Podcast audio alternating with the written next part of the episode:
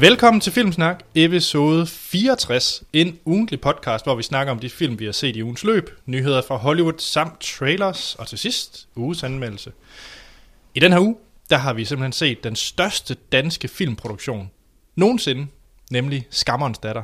Er det virkelig den største? Var det ikke det, vi blev enige om, Martin? Og den var, det, vi fik at vide, det var tæt på. Den har kostet 50 millioner kroner at lave. Det er meget. Ja, ja, ja. ja. Det altså, det er ikke meget i, uh, i Hollywood-land, hvor de koster op mod 100 millioner Nej, dollars. nej, nej, nej, bestemt så, ikke. så uh, det er vi er stadigvæk et stykke vej derfra. 100 millioner dollars film, de er altså sådan. Er det det? De, de er ikke så dyrt. Er det ikke? Nå, hvad Nej, snakker hvad det skal vi? nok gerne koste. 200. Ja, 200, så begynder vi at ligne noget. eller 300. Ja, de der 200-300, så er vi oppe i de helt, helt, helt, helt store. Okay, hvad med sådan noget som Star Wars? Er det deroppe i den... Og mit bud, det er, at den ligger på 300. Ja, det vil jeg også øh, være mit bud. Okay, spændende. Men ja, vi har jo besøg af, øh, udover dig, Troels, af manden, som øh, snart skal til en øh, filmeffektmesse. Det skal du jo snart, når, øh, når lytterne hører det her. er det ikke rigtigt? Det skal du også, Troels. Ej, det er ikke helt der. Ja, det, det, der, der går lige et par uger til. Okay, men det er en effekt... Troels, hvorfor skal du egentlig med til det? Du ved ikke noget om filmeffekter. Fordi filmeffekter er mega seje. Fuldstændig. Men Martin, hvad er det, vi skal til? Jamen, vi skal til FMX i Stuttgart i Tyskland, i Baden-Württemberg. Det lyder så sejt, det navn. Ja, Baden-Württemberg, det er meget sejt. Ja. Sejt. Det er en øh, konference eller festival for animationsfilm, computerspil og live-action-film med vægt på special effects-siden. Sejt. Så på grund af spillene er jeg der. Eller du er bare varm luft, som du plejer. Psst. Ja, selvfølgelig. At jeg, jo ikke, jamen, jeg, troede, jeg troede, alle folk på nuværende tidspunkt havde regnet ud, at jeg bare er en omgang en stor varm luftballon, der rigtig godt kan lide at være. bare være. Ja. Den her episode er, øh, er optaget lidt på forhånd, fordi at Troels, når lytterne hører det her, så er du i I'm in Kentucky, man. du er simpelthen i øh, det forjættede land Kentucky. Eller det er så Ja. ikke et land. Det er så jeg skal over, og altså... Det er faktisk en ting, jeg skal. Jeg vil sige, at øh, jeg har aldrig prøvet det der KFC, Kentucky Fried Chicken. Så du skal på fast food tur. Og nu, og jeg vil gerne sige, når jeg, når jeg prøver noget, så prøver jeg det altid for real. Ja. Så første gang du skal prøve Kentucky Fried Chicken, det Så gør jeg det i Kentucky, og jeg gør det på den oprindelige Kentucky Fried Chicken. Det er Ja. ret cool. Ja, det, er lidt sejt. det er, et- ja, det er ikke kanon. hele grunden til, at jeg er i Kentucky. Nu øh, er det selvfølgelig lidt øh, sent for lytterne, fordi du er jo i Kentucky, når de hører det her. Ja. Ja. Men hvis der er nogle forslag til Troels, hvad han skal lave i Kentucky, så kan I jo øh, tweet ham. Ja, I, I tweeter bare løs, så skal jeg nok, øh, jeg skal nok tjekke, og så skal jeg nok, øh, hvad hedder det, gøre det bedste for ligesom at tjekke det ud. Jeg kommer også forbi Nashville og Cincinnati øh, og sådan noget, så hvis der er ting der, så kan I også bare øh, kaste en tweet i ansigtet på mig, og så skal Ja. jeg nok gøre mit bedste for at tjekke det ud. Ja. Fordi det er optaget lidt på forhånd, så kommer der ikke nyhedssegment i den her uge, for det vil ikke give mening. Fordi det her det er optaget hvad, tre uger i forvejen eller sådan noget. Men i stedet for, så kommer der lige en lille snak med Martin, nu når du er her, Nemlig. om, øh, om sådan lidt om filmproduktion, specielt i forhold til, til visuelle effekter, hvordan det egentlig foregår. Ja. Det er korrekt. Fordi vi skal nemlig have et segment, der hedder, hvordan laver man en Star Wars film? Det er et stort emne. Ja, det er et stort emne. Men det, det, det, det har vi i stedet for at Hollywood. Ja. Nyheder fra Hollywood.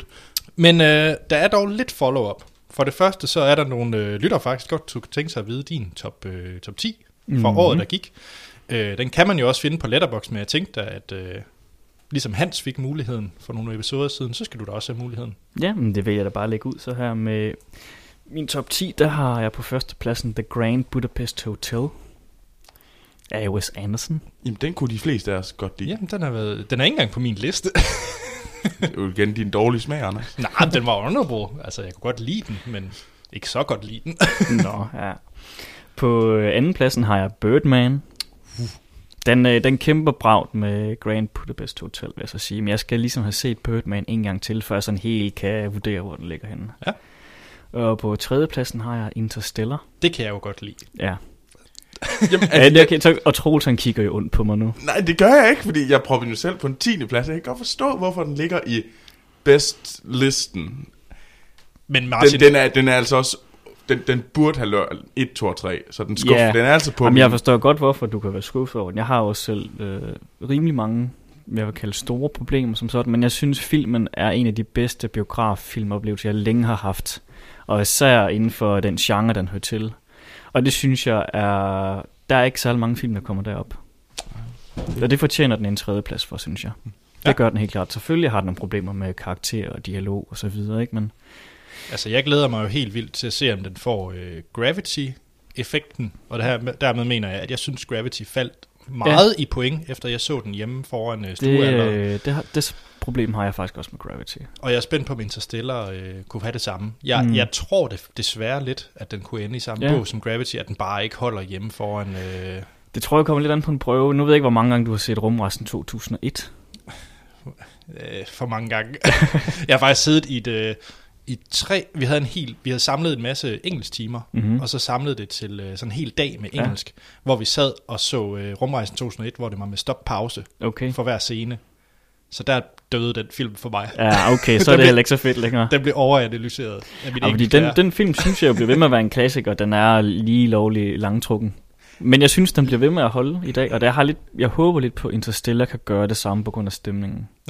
Lige nødt til at fly- komme med en enkelt ting, og det, jeg ved godt, det kan sammenlignes, men det kan det lidt, fordi at øh, da jeg havde øh, historiebrug, der skulle vi også analysere film, sådan historiske film på Mm. universitetet, og der så jeg øh, Alexander tre-fire gange på et halvt år. Puh, Jeg har, ikke, jeg har ja. ikke engang kunne komme igennem 15 minutter af den film, fordi det ser så ringet ud. Jeg har slukket hver gang.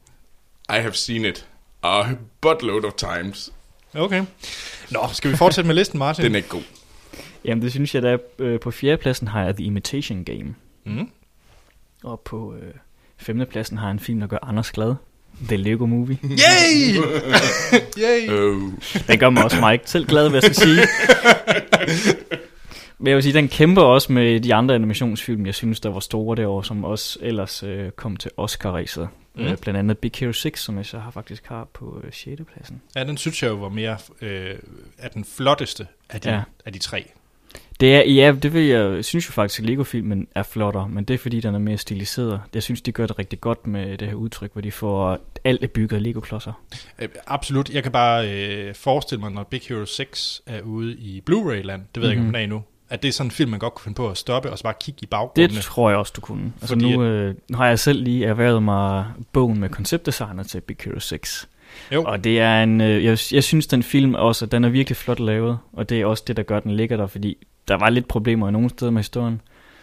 Mm. Men jeg synes, den, øh, den er så flot. Øh, inden for den stil, som de nu prøver på at ramme her. Nu kan jeg så godt tænke mig at se, at de snart prøver at lave en anden stilart ved Disney Pixar, det skal jeg nok kigge længe efter. Men det er en helt anden snak til en anden gang. Yes. Og efterfulgt af den, der har jeg så faktisk haft Train Dragon 2. Åh, oh, den er også god. Den er dejlig. Det, er nogle vældig fine film, alle tre.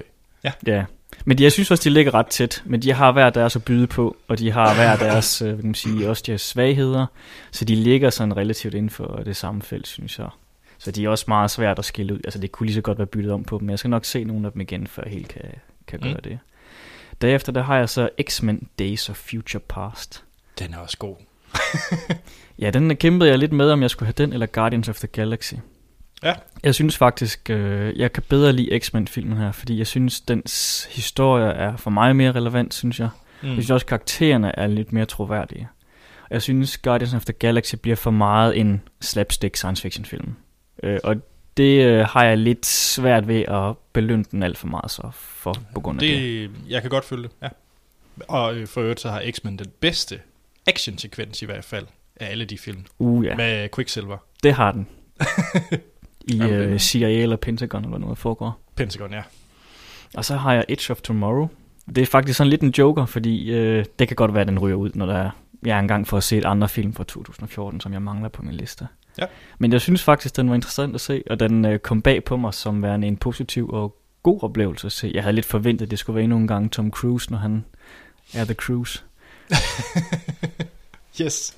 Og så på sidste pladsen, der har jeg Boyhood, som jeg synes er interessant koncept, men jeg synes filmen ikke holder. Jeg synes ikke skuespil, jeg synes ikke dialogen er særlig god i længden. Så som film, hvis det ikke var på grund af, at den var filmet med det her, hvad det, 10-12 års øh, periode, den foregår over, Mm. så synes jeg faktisk ikke, det var en særlig god film. Jamen, øh, det er jeg så ikke helt enig i. Men, øh, men øh, interessant liste. Ja, det synes jeg også. Jeg synes, nemlig, det, kan godt lide, når det er en meget personlig liste, fordi Animator Martin, han har tre animationsfilm på. Det synes jeg jo er sådan, der er en dejlig ting. nu, øh, den der so- Songs of the Sea, Mm-hmm. hvorfor er den ikke på? Jeg har faktisk ikke fået den set endnu. Uh. Det er også en stor Der fejl. røg nogle point i hele Ja, det er en stor fejl af min side. Godt. Jamen, øh, fantastisk. Det, øh, så der ved jeg i hvert fald to lyttere bliver glade, fordi det er i hvert fald efterspurgt. Det er jo godt. Så har vi faktisk en lytter, øh, Peter Mikkelsen, som har givet os en lille opgave. Han øh, synes nemlig, at den der Troy vs. Waterworld var lidt sjov, så han har lavet en øh, 10 versus-serie, vi skal blive enige om. Okay, okay. Ja. Og øh, jeg har glanset lidt over listen. Jeg er faktisk lidt spændt på, om vi bare er enige hele vejen igennem. Men jeg synes, jeg læser dem op, og så øh, kan Martin sige sin holdning, og du kan sige din holdning, øh, Troel, så kan I bytte rundt, og så kan jeg være tiebreaker, hvis I er uenige. Ja, nu er det jo fordel, at vi er tre, så det er altid, det der, vil, godt, der vil komme en afgørelse. Ja, ja, vi, vi er klar. Okay, nummer et. Snatch eller The Untouchables? Så er jeg på The Untouchables. Jamen, det er også... Ja, Snatch er ellers en god film. Jeg er også på Untouchables. Jamen, øh, det er bare enormt lang tid siden, jeg har set Snatch. Det Jeg samme kan ikke rigtig huske den. Nej, jeg kan bare huske øh, Brad Pitt, der snakker polsk. Er det ikke sådan en polsk accent? Jo, jo, Pols, valisisk, something, something. Nummer to.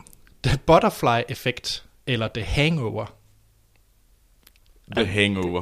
Uh, jeg, Mener du det? Jeg er Ja. på Butterfly Er Effect. det jeg så også? The Hangover, Troels. Hangover er da mega sjov. det er vildt sjovt. Jeg synes faktisk, Butterfly Effect Jeg er fortryder, hvad jeg sagde sidste gang, jeg var her. Nu vil jeg så nok også sige, at jeg faktisk ikke har set Butterfly Effect, fordi at jeg kan huske, da den ligesom kom ud og var smart, Mm. der så alle mine, øh, mine kammerater, de havde set den allerede, så kunne jeg ikke se den jo. Og så kunne jeg ikke tage mig sammen. Og så lige siden da har alle folk sådan snakket om Butterfly Effect, og jeg har bare været sådan lidt bitter over, at jeg ikke var til stede den dag, Jamen, jeg så. Jeg synes, du bør se den. En glimrende film med Aston Kutcher af alle. Så Jamen, også det, og så har jeg sådan lidt, The Hangover 1 var i hvert fald sjov. 2'eren og 3'eren. Så har vi nummer tre. Independence Day. Den har du set, Troels. Ja, ja, ja, jeg har set den. Eller American Pie. Independence Day. Helt Troels, klart. det gør, man kan se, det gør lidt ondt på dig lige nu. At du mener ikke American Pie, Troels? Jamen, den første American Pie film er da sjov. Nej, okay, okay, jeg, jeg trækker det med ind. Der er aliens. Der er Will der- Smith. der er Der er, hvad hedder han? Ja, ham fra Jurassic Park, han er Ja, øh, øh, Goldblum. Er jeg Goldblum? Nej. Er han ikke med? Er Goldblum med? Det ved jeg ikke. Nu er jeg Nå faktisk jo, det er ham. Det er, det, jo. Det er så- Så er det, det er, ikke han, ham? det er, han er rigtigt, det er Goldblum. Ah, okay, det er egentlig, det er Independence. Jamen, du, der er ingen gruppepres her. Nej, nej, nej, nej, det er Independence. Du, må, du må gerne sige den anden, Troels. Nej, nej, nej, nej, nej. Det kan godt være, der kommer lidt gruppepres nu, fordi at nummer 4, det er så Jurassic Park, eller Raiders of the Lost Ark. Uha, det var faktisk en interessant en. Nej, det, er- det, er- det er ikke sjovt. Det er faktisk næsten ondt. Troels, vi skal have et svar. Luk røven. Ja. Ej, jeg, jeg, jeg tager Indiana Jones. Jeg siger Jurassic Park. Indie. Nej! Jo. Troels, jeg troede, vi var Jurassic. Vi- Jeg troede, vi var dinosaurbrødre. Men det er vi også. Og jeg, det, Dino Brothers. begge- Nej, Indie, Indie er sejre. Okay, okay. Her er en, jeg, jeg tror er nem. The Departed, eller The Aviator. The Departed. Ja. Ja. Jeg kan dog nok ikke så godt huske den, desværre her. Jeg, kan godt lide, at du... Jeg kan faktisk godt være... Jeg kan faktisk godt for... Ja. Nå. Det kan godt være The Aviator. Tror jeg faktisk. Og jeg kan egentlig godt forstå... Altså, du, du er tiebreaker, Anders. Ja, sorry. Så, så du, skal, du skal sip it. Jamen, det er i orden. Til, du, skal, du skal ikke komme ind og melde dig ind, før vi ligesom uh, leger Jamen, så er, jeg, øh, så er jeg tiebreaker fremover. Ja, det er godt. Nu, Ja, nu. i de sidste fem. Ja. The Big Lebowski versus Sunshine. 100% med Big L. Nu griner jeg lidt af Anders her, men øh, Han har det hårdt, man kan se. Martin, kom nu. jeg, tager, jeg tager The Big Lebowski. Mener du det? Faktisk ja, fordi jeg er ikke særlig vild med Sunshine. Og jeg er ikke særlig vild med The Big Lebowski. Åh, oh, det må være hårdt. Ja, lidt. Jeg synes, The Big Lebowski faktisk er en overvurderet film. Jeg, synes jeg, absolut- jeg giver dig fuldstændig ret. Den er ikke den fi- klassiker, som mange gør den til. Mm. Nej, og jeg synes bestemt heller ikke, det er Coen-brødrenes bedste. Nej, det er det heller ikke. Men, men den er stadigvæk bedre Jeg ved godt, jeg er Sunshine. alene med Sunshine. Ja. Det ved jeg udmærket godt. You Nå. are totally alone. Nummer syv. The Fifth Element Uff, den skal være god, hvis den skal være bedre end Fifth Element. versus Fight Club. Ny. Jeg synes, Peter Mikkelsen, han har, været, han har bare siddet og bare... Ja, han har lige fundet de film, der var mest ledset op imod hinanden her. Og jeg kan godt lide, jeg tror faktisk, at øh, han må være fast lytter, fordi han er, sådan, da han er både nævnt Sunshine og Jurassic Park. Jeg tror, han prikker lidt til Ja, os. han ved godt, hvor det svage punkt ligger. Ja, Og den... Jeg har. Godt. Godt. Det godt. Troels, Nej, nej, nu, jeg, vil- nu jeg, jeg vil ikke gå ind og påvirke. Og det, jeg synes, det- den her, den, kan, den har jeg svært ved. Det har jeg godt nok. Øh... Ej, Fight Club bliver det så. Ja, Fight Club. Og det kan man godt sige, at det her det måske går lidt mod min 90'er liste, hvor jeg faktisk proppede Fight Club over det femte element, men det bliver altså femte element. Ej, det mener du ikke. Jeg troede bare, Jo. jeg kunne sidde og, og, og egentlig bare ignorere mit svar, fordi... For mig, der bliver det Fight Club. Jeg kan godt forstå, at det, det er virkelig ondt, men hvis jeg står sådan og skal tage et ja. valg om, hvad for, hvis jeg stod imellem, havde Fight Club, eller, eller det, hvad hedder det, det femte element, Mm-hmm. Ja. Jamen, jeg vil og skulle se faktisk... den, så vil jeg se det femte element. Jeg, jeg, vil, jeg, vil, jeg vil også sige, at hvis jeg skal sidde og se en igen, altså for gensynens glæde, så bliver det faktisk det femte element. Men så når du har set den, så ser du jo Fight Club. Er det ikke bare fordi, det er den tid, det er længst tid siden? Fordi... Jo, det kan godt være, det er derfor. Ja. Nå, nummer 8. Der er tre tilbage, og de næste to, Troels, dem kan jeg se, det bliver i hvert fald ondt for dig. Fordi her, der har vi The Dark Knight versus The Incredibles. Hmm. Det var lige en superhero versus her. Og Troels er faldet helt ned i stolen nu. Hvorfor skal det gå ud over mig? altså, jeg synes, det er alt for lidt, der går ud over Anders for tiden. Tiderne er skiftet, Troels. Jamen, jeg tror lidt, The Dark Knight versus The Incredibles, det er jo faktisk en battle mellem os to, Troels. Ej, ja, ej, um, hands down, The Incredibles. Og jeg er faktisk... Øh, og, og den er altså også led. det er jo helt vildt. Kom så, Martin. Join me.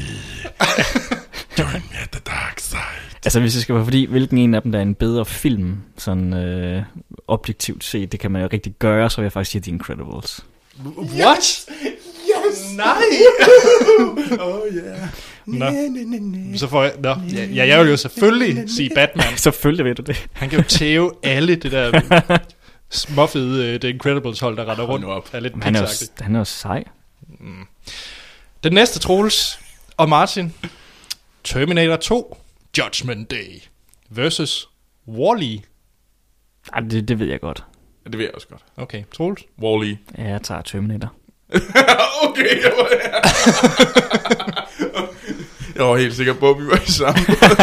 Det mener du ikke, du er den eneste, der vil vælge Wall-E i den kamp. Jeg elsker Wall-E. Ja, og ved du hvad, nu kommer der en lidt træls ting, fordi nu er jeg faktisk i en situation, hvor jeg bliver nødt til at give Troels ret, men det er mest fordi, jeg hader Terminator. så, så jeg ved ikke, om Peter Mikkelsen har regnet den her ud, fordi jeg kan jo ikke lide Terminator. Nej. Og jeg kan for så vidt heller ikke lide Wall-E, men jeg vil hellere se Wall-E igen, end jeg vil se Terminator. Good, Anders, joiner. Jeg, jeg kan bare ikke tage de der uh, live-action optagelser, der er i Wall-E. Med Er det menneskerne. live-action? Ja, der er så. Ja, det er rigtig nok. Nå, ja, det er rigtigt. Den sidste, og det er nok også den, øh, tror jeg, han har placeret som den sværeste, det er i hvert fald Battle of the Best Franchise, tror jeg. The Empire Strikes Back versus Lord of the Rings, Fellowship of the Ring. Jamen, den ved jeg også godt. Der vil jeg også godt, hvad jeg vælger. Troels? Star Wars. Ja, det gør jeg også. Ja, der skuffer du mig, Troels. Jeg troede, vi, vi, vi sammen skulle danse ned i The Shire. Og, Jamen, jeg har ikke den der, hvad hedder det, Hobbit fetish, som du har. ja.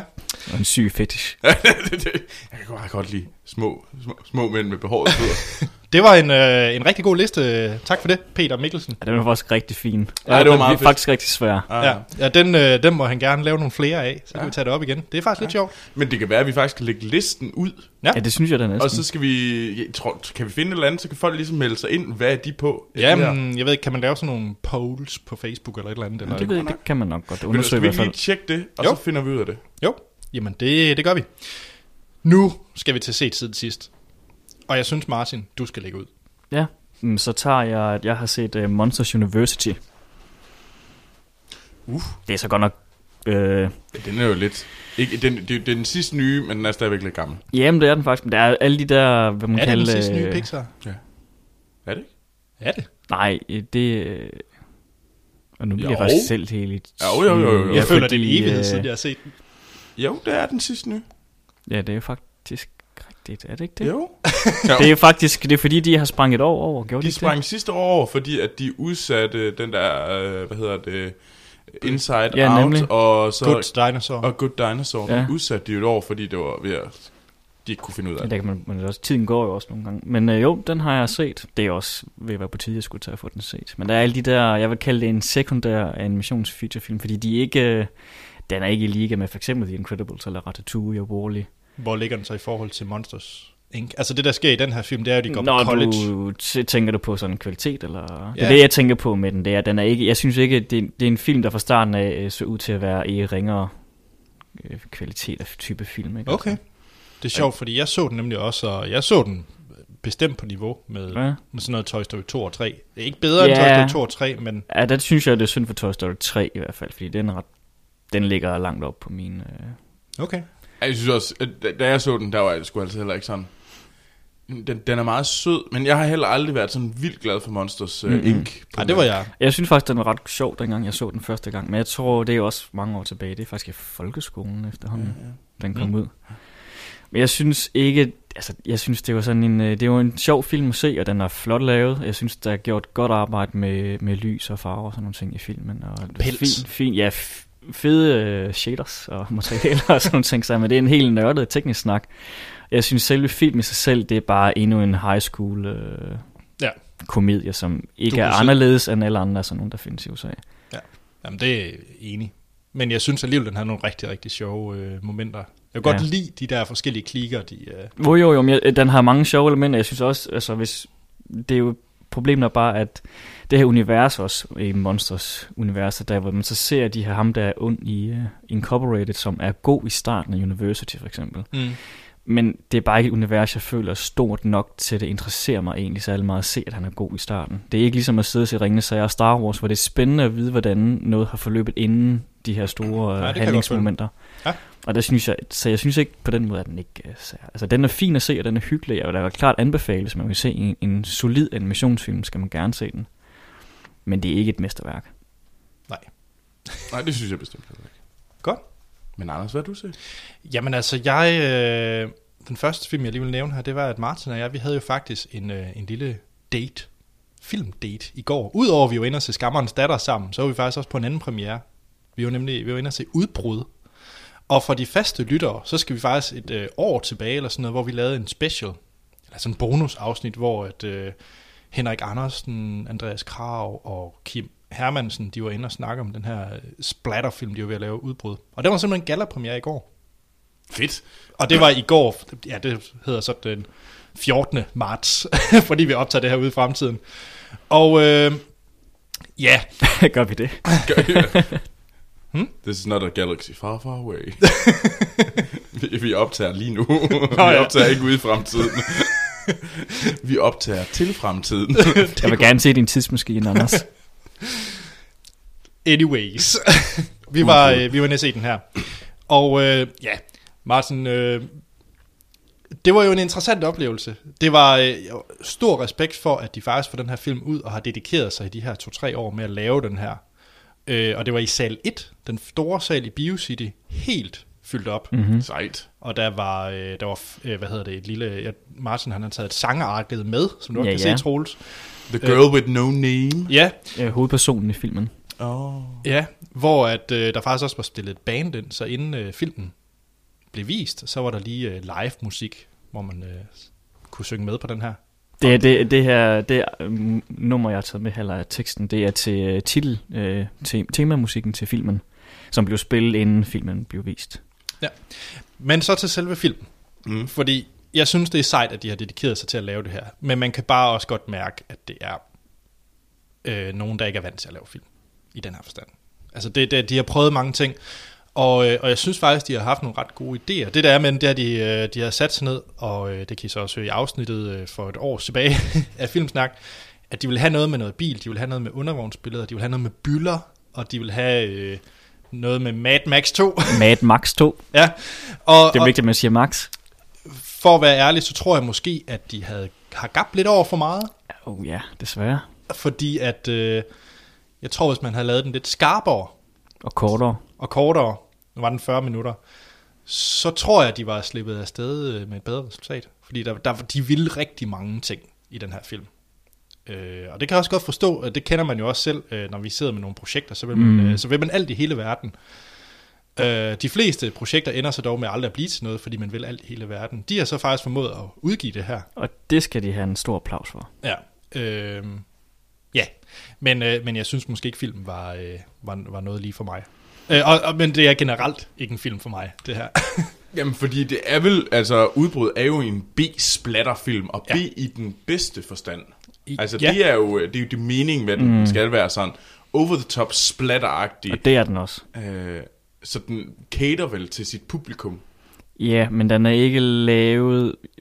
Jeg ved ikke, den type film, de plejer alligevel at være lidt skarpere i det. De, de, den er selvfølgelig lavet med glimt i øjet, det er helt tydeligt, Mm. at den er. Øh, det er et... Ja, man gør grin lidt med det samtidig med genren jo på en eller anden måde, ikke? men det er også en hyldest til genren. Absolut. De har en scene der i, som er meget en hyldest til både westernfilm og Mad Max 2.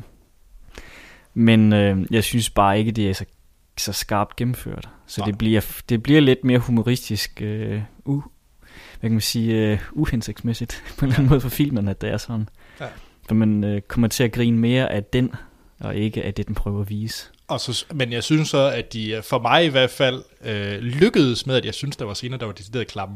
Ja, ja men den, øh, hvis, hvis det handler om splatter, så øh, jo, jeg er heller ikke så vild med splatterfilm. Der, er- der er en scene, hvor der er en, der får sådan en kæmpe byld på, på kinden, og hvor så konen til manden skal splatte den ud, så hun sådan ligesom har presset en bums ud, så kommer der så væsken ud fra bylden og sådan noget op i hovedet på hende. Og sådan. Ja, det lander så faktisk Ej. i en tallerken på bordet, de sidder og spiser morgenmad med. Ej, det minder mig om, øh, er det Brain Dead, eller sådan noget? Ja, men det, Jamen, det er sådan en hyldest til sådan nogle Øh, scener. Peter Jacksons Brain Dead, hvor de sidder, hvor han også ender med at gå igennem, øh, hvad hedder det, alle de her zombie-like creatures mm. med Mm. en, øh, øh, med en græslummeskib, Ja, men som han det- vender rundt, og så går han igennem. Der er en, en scene her i, der, der er en hyldest til det. Ja. Nu vil jeg heller ikke spoil den til dem, der gerne vil se Nej. filmen. det er ikke en græslåmaskine, det er der hen af. Fedt. Så øh, hvis I er interesseret i den her øh, film, jeg var ikke solgt. Øh, jeg er mere solgt på ideen om at faktisk at gennemføre sådan et Mhm. projekt. Ej, For det synes ingen, for også er ingen mega penge. Øh, og det var, over, det var 100 mennesker, de havde Ja, frivilligt. og jeg synes, det er vildt, at de har kunne øh, samle så mange mennesker til at lave det. Ja, så øh, det kan kun sætte... Øh, jeg synes kun, det kan give, at man bare bliver lidt mere boostet i at faktisk at gå ud og gøre noget selv. Jeg synes, det viser, at det kan lade sig gøre at lave sådan nogle ting selv, hvis man virkelig har ambitionerne om det. Ja. Så øh, hvis I er interesseret, så kan I gå ind på deres øh, Facebook-side, hvis I bare søger på, øh, på udbrud. Der kan I vist også bestille DVD'en af udbrud. Ja. Den sælger de for en øh, 100 kroner seddel. Så hvis man er interesseret i splatter og danskproducerede ting, så synes jeg, at man skal tjekke det ud. Jamen, altså, det kan være, at vi smider jo også lige linket i vores shownoter, vel? Så kan de vel Ja, ja, finde det bestemt igennem da. Det gør vi da. vores shownoter. Ja. Så, men ja. Troels, Ja. har du også set splatterfilm? Nej, det har jeg ikke. Kjoledrama. Nej, det har jeg faktisk ikke. andre bud, andre bud, andre bud, andre bud. Nej, jeg har set... Øh, Noget med Benedict Cumberbatch. Nej, heller ikke. Nej, fordi Hidden Gems, øh, der hvor Filmsnak ligger, den øh, vores hjemmeside, øh, hvor at man også kan finde øh, Rocketcast og øh, de kreative byen og andre, der har vi fået et, øh, der er kommet nogle nye ting. Der er nemlig kommet nogle kortfilm. Mm-hmm. Dem har jeg tjekket ud. Aha. Fedt. Øhm, og, øh, og det synes jeg faktisk var lidt fedt. Så, og dem jeg har set, jeg har ikke set dem alle sammen, der er faktisk en del, men jeg har set øh, nogle digterfilm, som er produceret af Got Fat, studiet her i Aarhus. Mm-hmm. Og så har jeg set en, øh, en lille, hvad hedder det, sci-fi kortfilm, der hedder 215. Og alle dem her kan I finde inde på Hidden Gems hjemmeside under Short Film. Og jeg vil faktisk anbefale, at man går ind, men... Øh, Ja, udover at høre vores podcast. Ja, ja, så kan man nemlig også... Øh, jamen, der er mange andre. Der er nemlig også øh, Planet Mundus og Ben and Sam og Suspect London, blandt andet. Øh, Udover de tre andre, vi har nævnt før. Øh, men dem, jeg vil fremhæve, det er faktisk de her små digterfilm. Ja. Og det er... Øh, de laver der godt fat her i Aarhus. og så er det simpelthen et lille digt, og det tager cirka fire minutter, som der er... Øh, der er fem digte, som er, og så er der fem forskellige instruktører, som så har lavet en lille film til det her digt.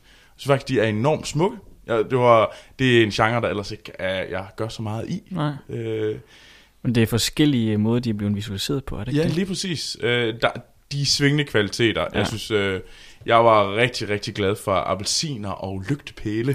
øh, dem synes jeg var rigtig, rigtig, øh, rigtig, rigtig fed. Øh, og jeg var så også, øh, jeg var så knap så glad for en piges dagbog.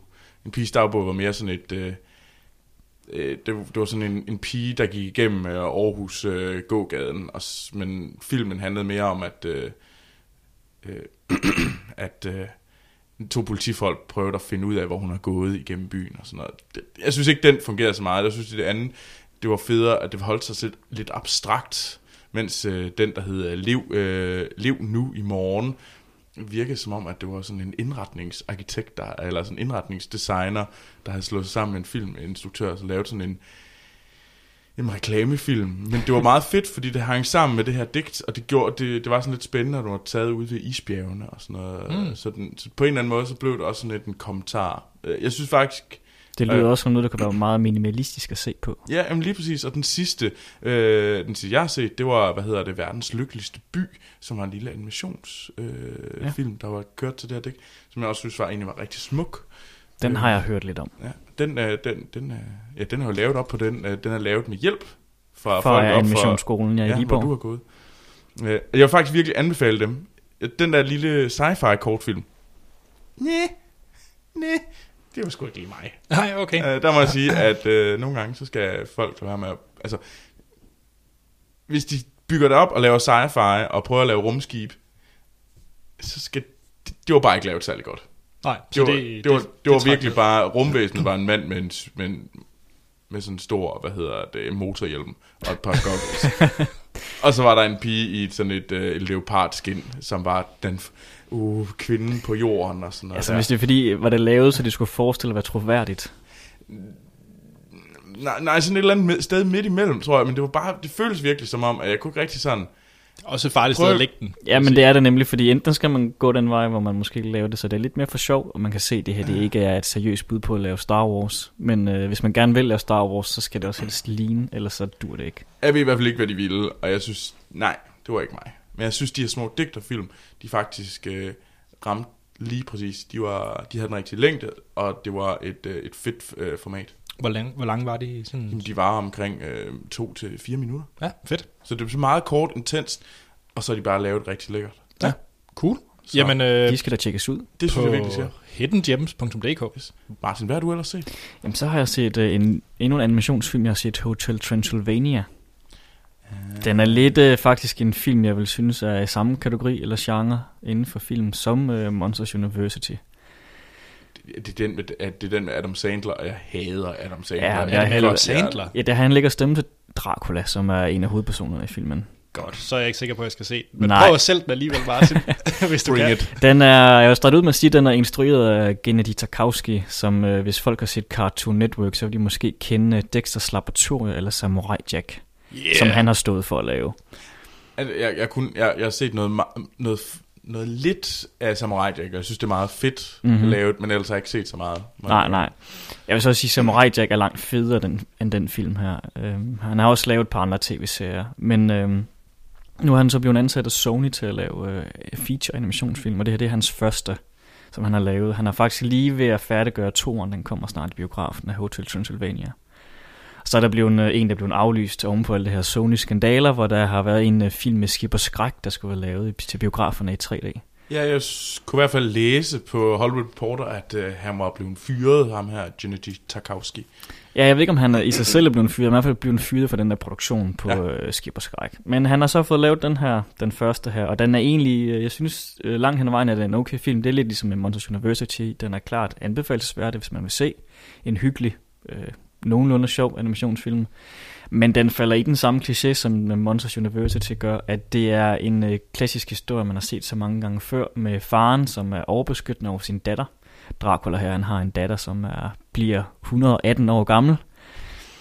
Og hun øh, vil selvfølgelig gerne ud og se verden, og det vil han ikke tillade, og så kommer der et menneske ind, og mennesker i det her univers, de er onde, fordi de vil jo slå alle monster, inklusive Dracula, ihjel. For eksempel med hvidløg og hvad nu ellers at de har remedier. Og øhm, det ender selvfølgelig med, at datteren bliver forelsket i manden, eller drengen her, som kommer ind. Og han er sådan lidt en klassisk amerikaner, som er backpacker lige ud af high school, og ja, han er sådan lidt over det hele. Og lidt for meget også, synes jeg.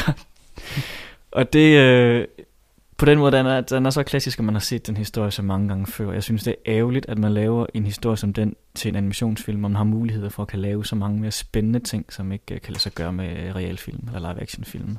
Ja. Jeg synes, det er skuffende, at man gør det. Men den er flot at se på. Den har virkelig god stiliseret animation. Det er ikke så tit, man ser det. Måske Despicable Me kommer lidt derhen af. Hvad har Sony ellers lavet? Er det deres første sådan animation? Nej, uh, nu spørger du så om noget, skal jeg tænke mig lidt om, for at kan huske ja, det er fair nok. Så kan jeg spørge om noget andet. Øh, glæder du dig så til toren? For der kommer en Hotel Transylvania Ja, 2. nemlig. Jeg så traileren her i øh, forgårs, og nej, det gør jeg faktisk ikke helt. Nu, det var egentlig derfor, jeg tænkte, nu måtte jeg hellere få etteren set, fordi øh, det kunne jo være, at det var noget, man skulle følge lidt mere med i. Men jeg synes ikke, jeg kan godt være ender med at se toren alligevel bare for at se den, men det er ikke, det er mest reelt bare, fordi jeg er nysgerrig for at se animationen. Ja. Og jeg kan først lige sige, at det de ellers har lavet, det er blandt andet den der, øh, det regner med frikadeller. Nå jo, det er også dem, ja, ja. Jeg sad lige og tænkte på, om det var dem. Men de, ja. jo, øh, de er jo også i en anden liga, vil jeg så sige. Øh, de er selvfølgelig lidt derhen af stadigvæk, men jeg synes, de er meget mere unikke, og de har fundet på noget, der er lidt mere nyt og anderledes. Ja. Og de er jo også dem, i dag er det ikke dem, der står bag Lego-filmen. George Miller, den ene af dem. Jo, jo, det er, ja. hvad hedder Nå, det, ja. dem, der står bag ja, Lego-filmen, er lavet... Uh, det regner med frikadeller. Ja. Så det er en forfærdelig ting. Og 21 Jump Street. Yeah. Ja, det er du glad for. Jamen, jeg kan bedre lide Lego Movie. Godt. Jamen, øh, så et, sådan, jeg fornemmer en måske anbefaling af den her film. Ja, jeg, jeg, jeg vil jo sige, hvis, man, hvis jeg skal anbefale en af de to animationsfilm her, så bliver det Monsters University. Ja. Men det er fordi, det er en lille smule bedre film. Okay. Men hvis man bare godt kan lide at se øh, stadigvæk solid animationsfilm, så er den helt klart okay at se. Mm. Hvis man har en eftermiddag eller en aften, hvor man vil se det. Okay, cool. Hvad med dig, Anders? Jamen, den sidste film, jeg lige vil tage med her, det er en dokumentarfilm, som egentlig, ja, surprise, som egentlig længe har lagt på min liste. Øh, den hedder Stories We Tell fra 2012, og det er en finurlig dokumentarfilm, hvis man kan sige det. Øh, det er øh, filmskaberen Sarah Polley, som har valgt at lave en en fortælling om hendes familie, eller jamen, det er meget svært at forklare. Det hun gør, det er, at hun har taget øh, familiemedlemmer fra sin egen personlige familie, og så prøver hun sådan lidt at lave noget øh, detektivarbejde, og hun, hun, hun interviewer dem om, om øh, hendes barndom og deres barndom og hele deres families historie på en eller anden måde. Og det begynder sådan langsomt at spore sig sådan, nogen øh, tolker hendes mors, hvordan hun var forskellige end andre familiemedlemmer. Og hun prøver så at samle det til en eller anden øh, historie. Men det, der så sker i løbet af filmen, det er at også, hun begynder at, at grave ned i nogle ting, som, øh, som, som ligger skjult i næsten alle familier. Der er altid sådan nogle historier, der er gemt i familier, som enten tragedier eller, eller ting, som, som, som bare ikke skulle være sket. Øh, og det hiver hun så også frem, får hun frem, og, øh, og, og der sker nogle ret fantastiske øjeblikke i de her interviews, hun har med, med faren og, øh, og andre øh, familiemedlemmer. Og den, og den er lavet som, øh, som, at de sidder og fortæller en historie, som de selv har været med til at skrive. Hun stiller dem egentlig bare det store åbne spørgsmål. Fortæl mig det hele fra begyndelsen. Det er egentlig det, hun starter med at spille, stille hver, for, øh, hver familiemedlem. Og de har så forskellige øh, forståelse af, hvad der, der er sket i hele deres øh, liv, og hvordan det hele hænger sammen med, med hendes familie. Og det lyder meget spændende. Det er en... Øh, jeg var ret ret blown away over den her dokumentarfilm. Det er en dokumentarfilm, man virkelig skal sætte sig ned og så sige, nu ser jeg den. Man kan ikke se den sådan halvt. Nej. Det, det er virkelig en, man kræver, man ligesom er optaget af. Øh, men, men jeg synes virkelig, den har der, der er store følelsesladet øjeblikke, der er gode, dybe problemstillinger, der kommer frem, og det er bare vildt at se den her øh, historie udfolde sig sådan helt øh, dynamisk, mens hun sidder der og interviewer de her familiemedlemmer. Så det lyder også som en, som er rigtig rørende at se. Det synes jeg. Det, øh, der, der, der kommer nogle ting op, ja. for, hvor de virkelig sådan graver frem helt inderst, hvad, mm. hvad det egentlig er, de mener om hinanden. Det er måske en familie, som har lidt svært ved at tale med hinanden. Jamen selvfølgelig, der er vel også nogle ting, jeg tænker er for tid måske. På ja, lige, måde. lige præcis. Ja. Lige præcis. Så. så Anders havde brug for Kleenex. Nej, det var ikke sådan en, uh, det var ikke en about time, men, men det var sådan en, hvor man bare blev lidt varm om hjertet, hvis man har et Troels. som sagt, som, som, øh, det sorte som vores, hjerte af sten. Øh, det, det, det, det lille sorte hjerte. Øh, de, de ved jo godt, at de, har, det kun kommer til at pumpe, når jeg ser, øh, Men jeg vil sige, jeg vil have glemt filmen. et smukt sind. med kuglepinde. Ja, kuglepinde i et smukt sind, så, så skal I se mig græde, og så skal jeg også gerne være lidt syg. Men ja, jeg synes, I skal øh, sætte jer ned sammen med jeres familie. Det er sådan noget, man kan sætte sig ned. Det er en dokumentarfilm, man kan se med sine forældre. Ja, hvor, hvor lang tid var den? En time og 40 eller sådan Okay. noget. Så ja, sæt jer ned og se den sammen med jeres forældre, og, øh, og bare nyd den. Den er på Netflix. Hvad? Stories We Tell. Stories we tell. Nå, Ja. spændende. Men nu, Martin og Troels, nu synes jeg, at vi skal til, ja, hvad skal vi kalde det? Jamen, det, hed, det, vores, det, det her lille specialsegment, det hedder, hvordan laver man Star Wars film? Okay, hvordan laver man Star Wars film med Martin og Troels?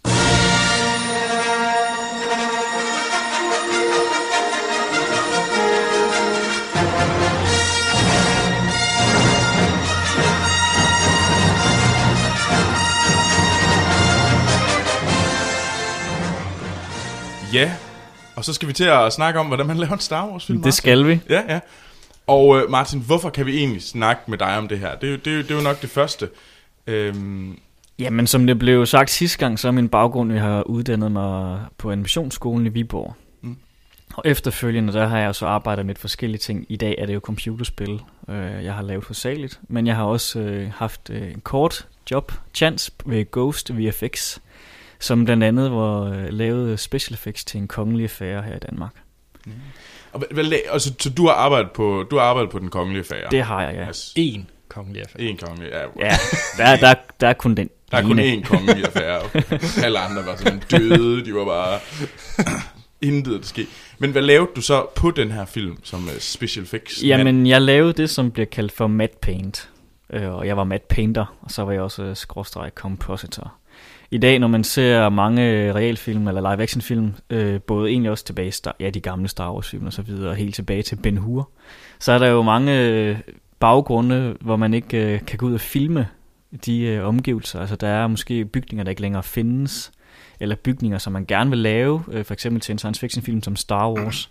Og her til en kongelig fære, så var det jo, den foregik jo i København, og byen i dag ser jo noget anderledes ud, end den gjorde dengang, det historien foregik. Så for eksempel Christiansborg, det skulle så genskabes i computeren, så man filmede de her skuespillere foran en grøn skærm. Det gør man ikke altid, men det gør arbejdet lidt nemmere. Øh, og så fjerner man og erstatter den grønne skærm med et billede, som man har lavet på computeren eller malet i dag, som så ligner Christiansborg eller København, eller et, det kan være et skib, eller en, hvad det nu end må være, man gerne vil sætte ind, fordi man ikke enten kan komme til at filme det rigtigt, eller har råd til at filme det rigtigt. Så er det den, øh, den nemme vej, i stedet for at faktisk at bygge kulisser. Det er lidt i stedet for at gå ud og bygge, altså hvis du gerne vil have Christiansborg, du kan selvfølgelig også vælge at bygge en kæmpe stor flot kulisse og facade, der ligner det, men øh, det koster også mange penge. Ja. Og der er det nemmere i dag med de øh, muligheder, man har på computeren, at faktisk gå ind og male et billede, som ligner Christiansborg, eller bygge det i 3D, og så sætter man det ind om bagved. Men vi er enige om, at det gør man per frame. Altså det gør du per sekund i film, eller hvad man siger. Øh, ja, altså det er jo, øh, det gør man ja. Det, det, det kræver nok en længere forklaring selvfølgelig, men jo, altså det er du, øh, hvis du har et skud, du har filmet på, lad os sige, 5 sekunder af Mads Mikkelsen, der kommer gående ud af hans øh, hestevogn, og han er i øh, gården ved Christiansborg, det gamle Christiansborg, som ikke ser ud som den, der findes i dag, skal jeg også lige med. Den brændte jo. Men øh, så jo, så, så fjerner man og sætter den her grønne skærm, man har filmet ham foran. Det er fordi, det er lidt nemmere at gøre det på computeren. Den kan lave nogle beregninger, der hjælper dig med at fjerne baggrunden, i stedet for at man bare filmer det for en masse mærkelige ingenting. Så sætter man den her ind, ja, og den bliver så, øh, computeren sørger så for, at det her billede, det bliver ved med at være om bag ved Mads Mikkelsen. Mm-hmm. Ja, ja. I gamle dage, der malede man den her slags ting ind på glasplader i stedet for til de gamle Star Wars film, hvor Indiana Jones for eksempel. Der findes mange gode eksempler på nettet, hvor man kan se det, eller til Die Hard også faktisk, er der et rigtig godt eksempel øh, af toren i lufthavnen, ja. hvor de slutter, øh, der taler sidst. Den, det er faktisk malet på en glasplade af de fly, der står der taler sidst, og menneskene. Så man de har har- holdt bag ved kameraet, eller ja. Øh, jamen, det man gør, det er, at man, øh, de her glasplader, de bliver faktisk sat op på kameraet, når man filmer det. Okay. Så den også filmer det samtidig med. Ah. Ah, Okay. Det er derfor, at øh, ja, det gjorde man i gamle dage, inden man havde en computer. Så det er noget, man gjorde helt op til 90'erne. Jeg kan ikke, den sidste film, man gjorde det, kan jeg ikke lige huske, men ikke engang 90'erne, man stoppede med at gøre det. Det lyder som mange glasplader, man også skulle lave. Tænker jeg Du umiddelbart. skal jo have en glasplade til hver gang, du flytter dit kamera. For Ja. ja. til hver ny øh, kameravinkel, du har skudt eller filmet, der skal du have en ny. Ja, fordi perspektivet selvfølgelig ikke passer længere. Nemlig. Ja, Okay. Men ellers så kan man vel finde de, man kan vel se øh, det du har lavet på øh, Det kan man, hvis man går ind på min hjemmeside, som jeg også snakkede om sidst, som ellers hedder mhg-portfolio.blogspot.com. Der kan man for eksempel se mit showreel, hvor der er nogle, de skud, der, nogle af de få skud, øh, som jeg har lavet for eksempel. Der er jo mange skud, der er lavet der til, at vi var jo mange mennesker til at arbejde på filmen. Man kan også bare se en kongelig affære på Netflix. Det kan man, og man kan faktisk, så vidt jeg husker, også godt finde øh, på Vimeo, hvis folk kender til den side, lidt ligesom YouTube, bare sådan lidt mere professionelt anlagt. Der kan man faktisk også finde en øh, video, der viser alle de special effects, der er lavet til en kongelig affære. Ah, fedt. sejt. Yes, men en kongelig affære er jo ikke Star Wars. Nej, det er det ikke. den er langt fra Star Wars, det vil jeg gerne sige. Øh, men, men Martin, hvad, når vi skal, hvis man, øh, hvad sker der egentlig før man optager? Jamen, øh, før man optager, så har man jo for det første fået godkendt, at man skal lave filmen, og man har fået hyret sin manuskriptforfatter og så videre, og det man så begynder på der, når han er i gang, og instruktøren også er blevet fundet, så øh, vil man jo gerne vide, hvordan filmen skal se ud. Hvor skal den foregå hen? Den skal nok foregå på Tatooine, det gør de alle sammen, åbenbart. Så men, øh, står det ikke i manuskriptet? Det står i manuskriptet, men hvordan ser Tatooine ud, det ved vi selvfølgelig godt, fordi Star Wars er jo filmatiseret mm. før, men øh, der kan være, der er en ny, øh, et nyt hus, et nyt rumskib, der skal være med, så man finder nogle designere, som begynder at designe, hvordan de her ting skal se ud. De er concept-designere. De sætter sig så ned og faktisk øh, illustrerer, hvordan de her ting skal se ud. Første omgang er det sådan lidt øh, mere groft, sådan mere stemningen, hvordan er Tatooine i det skud, man skal filme. Er det solnedgang for eksempel? Hvis folk kan huske Luke Skywalker, der står og kigger ud ved hans øh, onkel og tantes bondegård, eller farm, eller hvad kaldes, på Tatooine, og man ser de to sole gå ned der ude i horisonten. Man kan se, øh, hvad hedder det, livet, det brændte lig. Ej, det er så inden, Ah, det, det er så inden det går galt. Spoiler, Troels. Nej, det er totalt meget spoilet, den der film fra 77.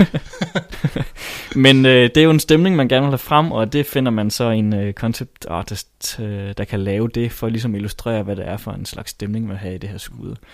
Når man så har fundet ud af, at der er det her nye hus, der skal stå hen i hjørnet, eller det her nye smarte rumskib i stedet for tusindårsfalken, så øh, er der nogen, der begynder at designe det. De laver så decideret concept design, hvor man faktisk øh, også laver, hvad man kalder blueprints, når man skal bygge et hus, eller arkitekttegninger og sådan nogle ting, så, eller, hvor man i detaljer begynder at designe, hvordan ser det her faktisk ud. Fordi det skal jo så laves på computeren bagefter senere hen. Det bliver så modelleret i 3D oftest øh, i dag, eller eller fysisk model. eller fysisk også, hvis det skal bruges til en kulisse. Og de her tegninger bliver så faktisk givet videre, hvis det så er til en kulisse. Så bliver det givet til en tømmer eller en håndværker, som så bygger kulisserne ud for dem. Og set designere, som så går ind og begynder at male, for eksempel hvis det er øh, indenfor i tusindårsfalken, hvor der så sikkert er lidt rust rundt omkring i hjørnerne, så er der jo en øh, maler, der skal male de kulisser, så de ser rusten ud. Mm. Og det går der også meget arbejde i at gøre. Okay. Men hvad, hvad, nu, nu, har vi, øh, nu har vi manuskriptet, og vi har, hvad hedder det, jamen alle de andre dele. Øh, Vi har, vi har øh, noget koncept. Vi har designet, og vi har fået bygget kulisserne ud for designet. Ja. Så begynder skuespillerne at komme ind, og de bliver så filmet, som man nu gør med sit kamera og alt det der. Og så når de er blevet filmet, øh, så skal der jo laves masser af special effects. Ellers, fordi selvfølgelig har de stået inde på øh, den her kulisse af tusindårsfalken, og der har måske været en, øh, en dukke, der har lignet et eller andet mærkeligt rumvæsen, der render rundt, sådan en animatronic dukke. Eller, Eller nu? Andy Serkis, der render rundt i spandex. Og det kan være Andy Serkis i en spandex. Det er lidt... Øh, Andy Serkis i en spandex. Han er lidt et problem, fordi han kan ikke blive ved med at være i filmen i hans spandex Han skal jo så erstattes med noget andet, som rent med mindre det er Andy, Andy Serkis egen spandex-film. Den vil jeg ikke se. Det lyder, Men, lyder øh, som øh, sær, sær pornofilm. Ja. Dårlig tanke, Troels. What? Men øh, det man gør her, det er, at øh, hvis han nu skal forestille det her rumvæsen, eller hvad han nu at være, så har man også modelleret det i 3D ud for de de øh, designtegninger, som de der concept designer har lavet. Han bliver så erstattet på computeren selvfølgelig, ligesom med Gollum til Ringende Sager. Hvem bestemmer egentlig den her fase? Fordi skal man som animator eller grafiker, der så skal lave digitalisere koncepttegninger, skal man blindt følge det? Altså, hvor er godkendelsesprocessen i alt det Der vil altid øh, selvfølgelig være noget fortolkning, når du får sådan... Øh, det er jo klart, at en tegning, der er 2D, er ikke nødvendigvis altid muligt at overføre direkte til 3D, så der er selvfølgelig, du skal fortolke lidt på det. Men ellers så er det jo enten dig selv, der gør det, hvis det er det job, du har i øh, produktionen. Men ellers så er der også som regel, instruktøren har jo et stempel, han går rundt med nærmest, ikke? Altså siger god for det arbejde, du har lavet. Han kan lide, det ser ud, som det skal. Ellers er der jo en art director på, os. Okay. Og der vil som regel også være en supervisor eller en lead artist af en eller anden art, som går ind også og er med til ligesom at, at skubbe tingene i den rigtige retning. De vil nok også have holdt nogle møder med instruktøren eller art directoren om, hvilken retning vil de gerne have tingene skal gå i. Så det har et ensartet udtryk. Så det har et ensartet udtryk, og de går så tilbage til dem, der sidder og producerer det, og så siger, det er det her, vi har fået at vide, det skal være sådan og sådan her, og det laver de så ud fra de retningslinjer. Men, men er vi nu i post- eller præproduktion? Ja, det vil være, det kan variere lidt, altså man vil begynde at lave 3D-modeller, og faktisk også, hvis, ja, Gollum mm. skulle laves, ikke? eller Andy Serkis, hans rumvæsen, de Jar Jar Binks for at holde i Star Wars. Ja, for at holde i Star Wars, ja. Det kunne man godt have begyndt at modellere, inden selve filmen er blevet skudt, øh, altså optaget med Mm. skuespillere. Fordi når så de er blevet optaget, så skal alt det her som sagt erstattes af det, man har lavet på computeren. Også hvis man har filmet på øh, en anden planet i Star Wars, en helt ny planet, som man ikke kan filme og finde natur, der ligner, så skal det måske erstattes. Eller Coruscant i Star Wars, hvor der er de her højhus. De kan godt være blevet modelleret inden, øhm, men de skal jo så sættes ind bag ved de her skuespillere. Lidt ligesom det arbejde, jeg så gjorde på en kongelig affære. De er så blevet filmet på en green screen formentlig igen, de her skuespillere. Men der erstatter man så den her grønne skærm med de billeder, man så har fået lavet af Coruscant i stedet for. Det er så det, man vil kalde postproduktion. Altså alt det, der bliver gjort efter, at man har optaget skuespilleren, det er i postproduktionen. Ved skuespillerne, hvor de selv er? Det ved de øh, både ja og nej. Jeg kan sige, at vi har begyndt at få rimelig mange gode øh, software i dag, som kan vise en øh, real-time repræsentation af, hvordan det måske kommer til at se ud lidt. Det er ikke okay. ligesom at sidde og se den rigtige film, og det er heller ikke lige så flot, som det nødvendigvis er at sidde og spille computerspil, men man kan vise nogle ting allerede lidt nu, hvordan det måske kommer til at se ud. Okay, så skuespillerne har en fornemmelse af, hvad, hvor ja, er så de kan render få rundt. lidt sådan en fornemmelse. Altså vil man jo som regel også have vist dem det konceptdesign, der er blevet lavet i præproduktionen, inden filmen bliver optaget. De vil så få vist de her billeder, som skal vise stemningen, for eksempel igen til Luke Skywalker, der står på Tatooine. Han får måske at se det her billede, der er to sole og sådan nogle ting, og så er på det her konceptdesign. Så ved han det som skuespiller, Mark Hamill, når han skal gå ind og stå der. Mm-hmm. Så kan man forholde sig lidt bedre til, hvad der kommer til at ske. Men for eksempel så øh, er det den kommende World of Warcraft-film. Mm-hmm. Mm. Øhm, den blev færdig med at optage sidste forår, Ja. og udkommer først til næste forår. Så der er jo to års øh, postproduktion. Er det, er det bare til, at øh, der er nogen, der sidder og bytter bag... Sådan, Maler baggrunden. Hvad er der Ja, det er det faktisk stort set. Det er jo, øh, det er jo folk, der er så også måske stadigvæk igen øh, orker, der skal modelleres i 3D, og der er monstre og sådan nogle ting, og så der skal laves også, som man måske ikke kan kunne nå at få lavet, inden man optager selve filmen. Ja, fordi selve optagelsestiden er vel måske kun en 20 dage, eller... Den behøver ikke være særlig lang til Star Wars, det er heller ikke det er jo ikke så lang tid, de gør det. Det er jo højst et par måneder nærmest nogle gange. Så er der måske et reshoot senere hen, hvis der er nogle ekstra scener, man vil gerne vil have med, fordi man finder ud det er bedre for historien, eller scener, man gerne vil tage om, fordi man ikke synes, at skuespil lige var i skabet, som det skulle være. Men det må være underligt for en skuespiller at have filmet noget for to-tre år siden, og så sige, nå, men det ser jeg så om tre år resultatet af. Ja, fuldstændig. Det er også, øh, det er også derfor, det kan være sjovt at arbejde på sådan nogle ting, fordi tingene er foregået for så lang tid siden. Ja. Og igen, inden de kommer ud i filmen, så er det lang tid siden, det arbejde blevet lavet på dem. Men grunden til, at man også måske laver, er så længe om at få lavet sådan en Warcraft-film færdig, er selvfølgelig også, fordi så meget er der lavet på computer. mm. Og øhm, meget af det her, det skal jo også planlægges rigtig godt på computeren. Og inden man begynder at modellere det i 3D, som øh, man så gør her, eller laver de her falske billeder af huse og sætter ind bagved, eller landskaber, så har man også som regel planlagt det så godt, at man faktisk har lavet selve filmen på computeren, inden man faktisk har optaget skuespillerne. Det man vil kalde en animatic og, og hvad er det så? En animatic, det er, at hvis man nu ved, at øh, det jeg Star Wars. Jar Jar Binks, han står hen i hjørnet, og i et andet hjørne, der står Anakin Skywalker og Qui-Gon Jinn og står lidt og snakker. Så må man gerne øh, lave et øh, kamerabevægelse, som øh, f- viser de her skuespillere stå og snakke, og så skal Jar Jar Binks gå hen til Qui-Gon Jinn og Anakin Skywalker. Så vil man ligesom gerne have planlagt, hvor, hvor hurtigt går han, og hvordan kommer det til at foregå, fordi man har så mange ting, der skal laves på computeren bagefter. Og for ligesom, at øh, man ikke spilder tid, når man begynder at lave de ting på computeren, så man gerne have planlagt at time det hele. Og det laver man så faktisk sådan en animat- animatic, som er en slags øh, storyboard, bare som øh, film. Sådan en tegnefilm. Ja, som en slags tegnefilm. Ja. Det er en grov tegnefilm. Det er ikke nødvendigvis en særlig køn tegnefilm, men den er til for at vise timing, og hvor ting skal være placeret henne, så folk har en idé om det. Hmm.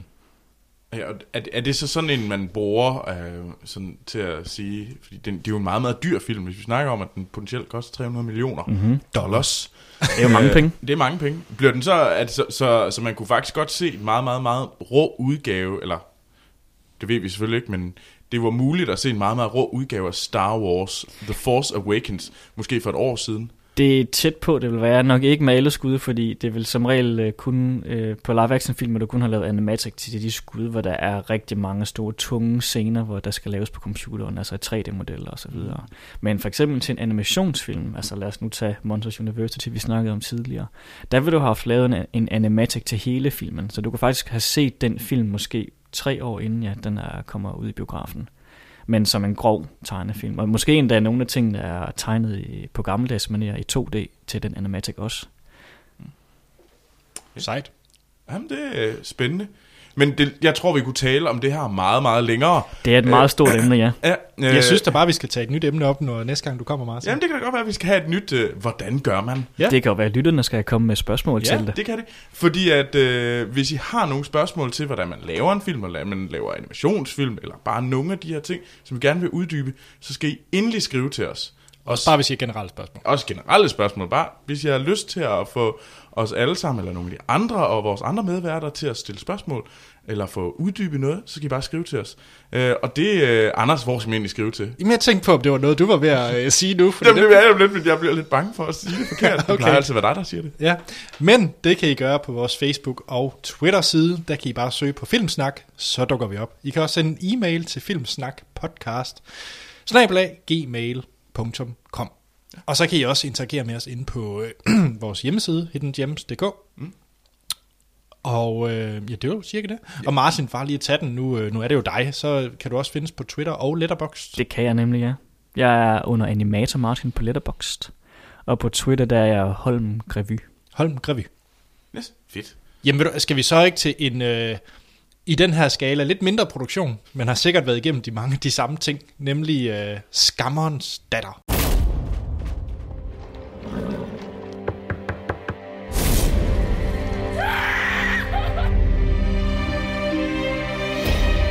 Vi er alle overbevist om Nicodemus' skyld, men så længe han ikke vil tilstå, har vi intet andet valg end skammeren.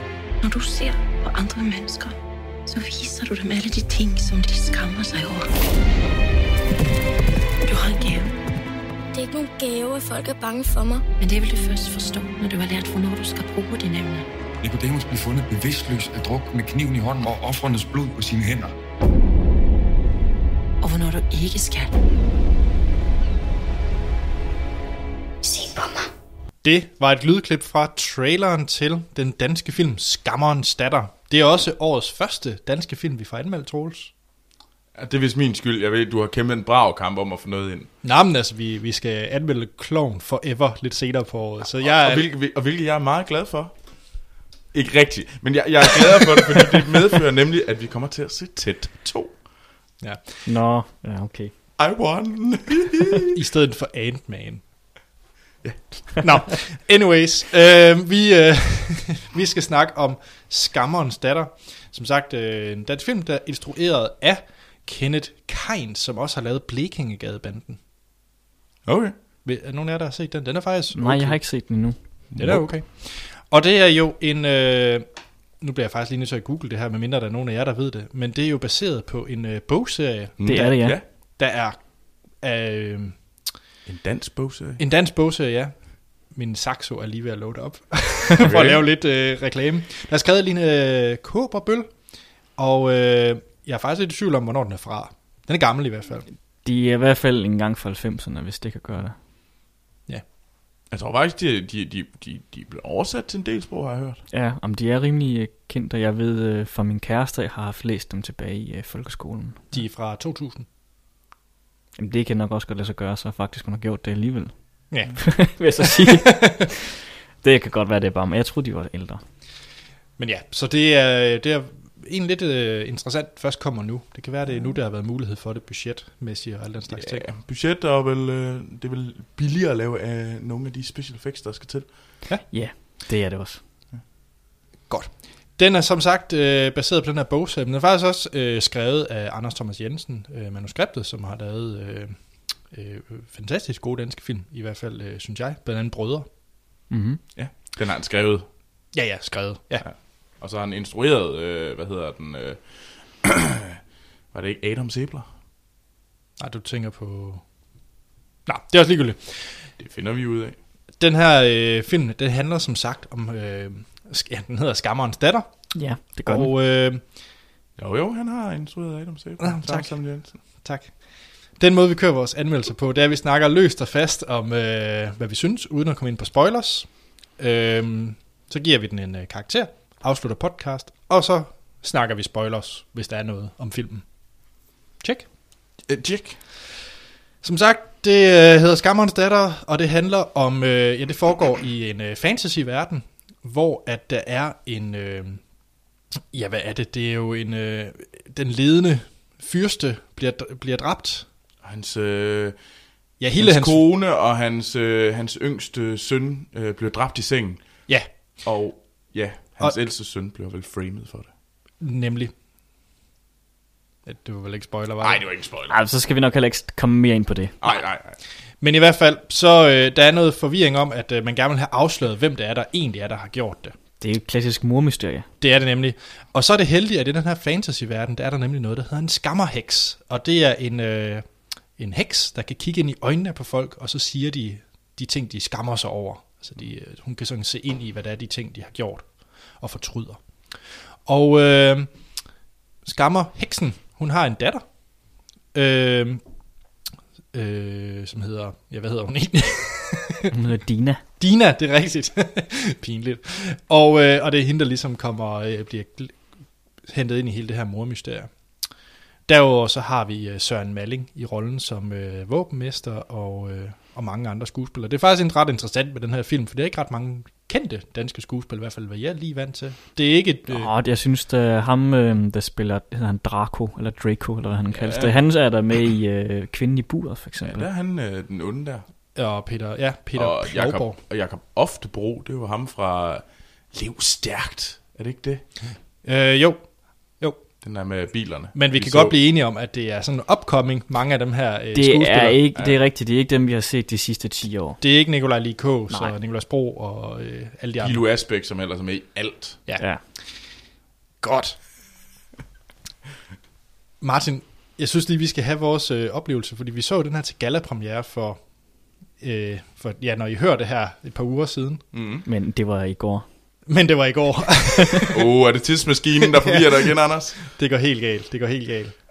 Øh, så, og Troels, du, var, du så den faktisk alene. Jeg så den alene til gallapremieren. Jeg, jeg, jeg, jeg var desværre i Aalborg. Eller, jeg, var- det var ikke desværre i Aalborg. Jeg var i Aalborg. Og det var også meget hyggeligt. Øh, men, øh, men jeg skulle ligesom se den alene, fordi jeg ikke kunne være i Aarhus og se den med jer. Ja. Ja. Martin, hvad Ja. synes du om den her film? Jeg synes, øh, nu kender jeg ikke noget til bøgerne, så jeg var meget spændt på, hvordan sådan en øh, fantasy, som det faktisk er jo, ville klare sig. Fordi øh, nu snakker jeg lige lidt om nogle tidligere nogen, for jeg synes faktisk, det er værd at nævne, vi har faktisk lavet fantasyfilm før i Danmark. Øh, De fortabte sjæles ø, for eksempel.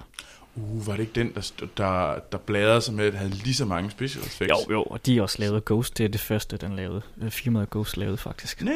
Men, øh, en, og så har der jo Ørnens Øje, hvis folk kan huske den, fra da I var helt... Åh, oh, jeg godt. Ja. Og, og så var der den der, der Arn-serie, det er måske ikke dansk. Men det er også øh, semi-svensk.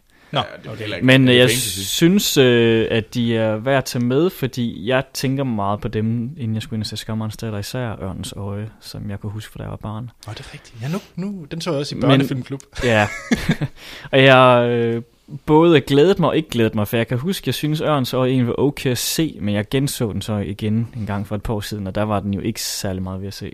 Okay, Og De fortabte sjælesø, synes jeg faktisk aldrig har været en god film. okay. Øh, så jeg var også sådan lidt i tvivl om det her, det nu var en god film, jeg skulle ind og se. Jeg blev faktisk positivt overrasket, synes jeg. Jeg synes egentlig, at den... Øh, Troels, du helt forbandet. Ja, men nu, nu, det er derfor, de andre skal med i kontekst her, Troels. I sammenligning med dem, så synes jeg faktisk, at det er et hederligt forsøg for, på dansk jord at forsøge som øh, fantasyfilm til unge eller til børn.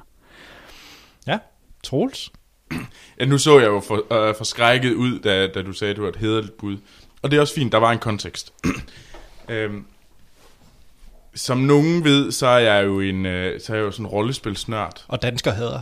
Ja, og dansker hader. Så der, så der, øh, og jeg havde følelsen af, at det jeg var så, det var en optagelse af Rold Skov live.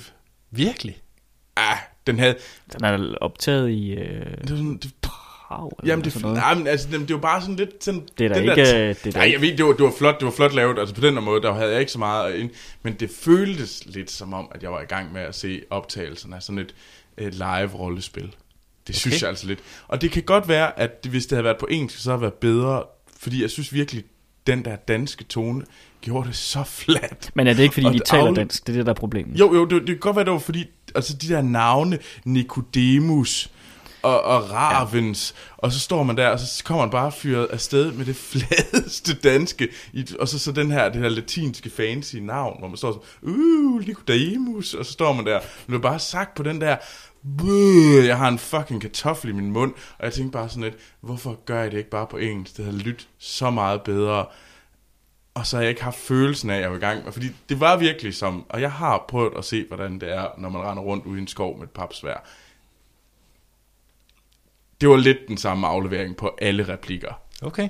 Det var sådan, man kastede sig på jorden, og man følte, det var den samme sådan følelsesmæssighed. Det var, det var bare et fucking live Men det har jo noget at gøre med, at du er vant til at se film, der foregår på engelsk, Troels. Jamen, det er meget, jeg, jeg vil godt indrømme, at jeg er dybt subjektiv, og jeg, jeg, jeg, jeg, det er ikke særlig flinkt af mig. Jeg, jeg dansker hader på det helt forkerte, på det helt forkerte grundlag.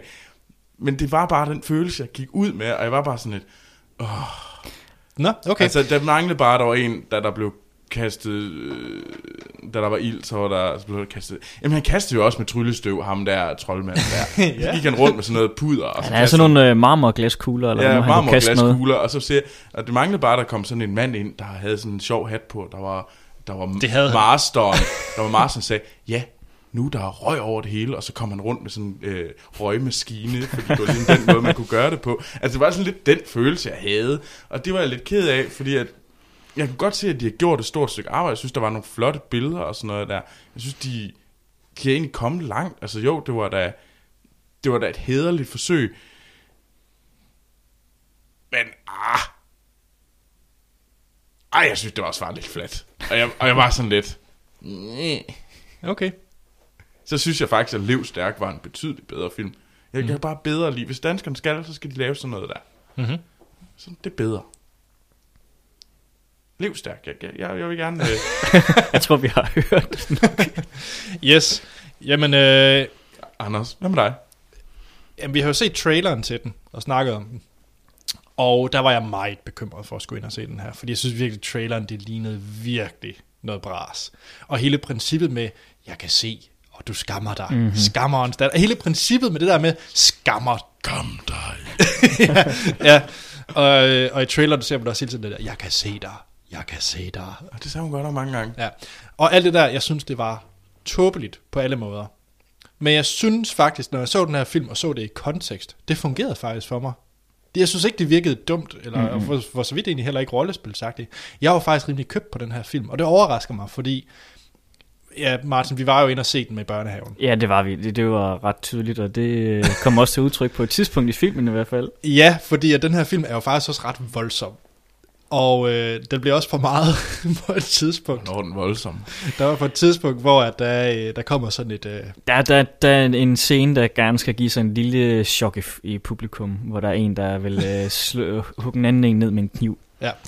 Og det gjorde det også, fordi at øh, hele, salen, det.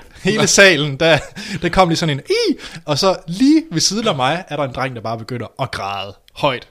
Han var heller ikke særlig gammel. Han Nej. har været højst været fem år eller sådan noget. Han begyndte at tudvræle. Og moren sad ved siden af, "Ah, det skal nok gå, det skal nok gå, der sker ikke noget, der sker ikke noget. Så sidder de der to sager nisser ved siden af, der var sådan, hvad laver I egentlig derinde? altså, det var endnu værre for mig. Jeg sad sådan, at jamen, jeg er bare alene herinde. Jeg er en voksen mand alene inde i børnehaven. Det var virkelig, jeg følte mig som sådan, Ja, men min pointe med det, øh, det er, at for det første er det en film, der ikke appellerede ja. Ja. umiddelbart til mig. Øh, men jeg købte den faktisk alligevel, hvilket jeg synes mm. faktisk er en styrke ved film, fordi at, øh, jeg synes faktisk ikke, den virkede ret børneagtig til tider. Nej. Faktisk så har jeg skrevet her i mine noder, at til tider der virkede den mere som Game of Thrones end Narnia. Og det synes jeg faktisk, jeg, jeg forstår godt, hvor du er hen med det, Anders. Jamen, det, det, det er true. Altså, jeg vil godt... øh, Det, Den, den kan godt øh, på mange måder opfattes som et dansk afsnit af Game of Thrones. Ja. Game of Thrones er bare bedre lavet. Ja, men hvis vi nu fjerner alle de ekstremt voldelige scener, og så især også alle seks scenerne fra Game of Thrones. Ja, fordi jeg synes, der er også scener, hvor at, øh, der er noget, der bliver smidt ned i en brønd. Altså, der, er- der er sådan rimelig stærke scener, synes jeg, hvor det bare bliver sådan, bum! Og men det bliver gjort øh, uden... Øh, altså, man bliver ikke advaret, inden det kommer til at ske. Nej, og allerede, øh, jeg tror, fire minutter ind i filmen, så ser man blod på gulvet. Mhm. Mm-hmm. Altså, den er, den, den er voldsom. Og jeg må faktisk indrømme, at øh, hvis det var mig, der havde et barn på, på mange af de aldre, der var i biografen, det havde jeg ikke taget Nej, nej, set. det, øh, de skulle ikke have været inde og se den film. Ej, jeg synes, den Bestemt var, ikke. den var voldsom. Jamen, øh, altså, det... Altså, jeg vil også give, at den er mere øh, Game of Thrones end Narnia. Og på den gode måde. Øh, men også fordi Narnia-filmene... Fy da for Jeg synes jo faktisk, Ej, jeg vil sammenligne med en anden film i stedet for Narnia. Er det nogen af jer, der har set Aragon, der blev lavet?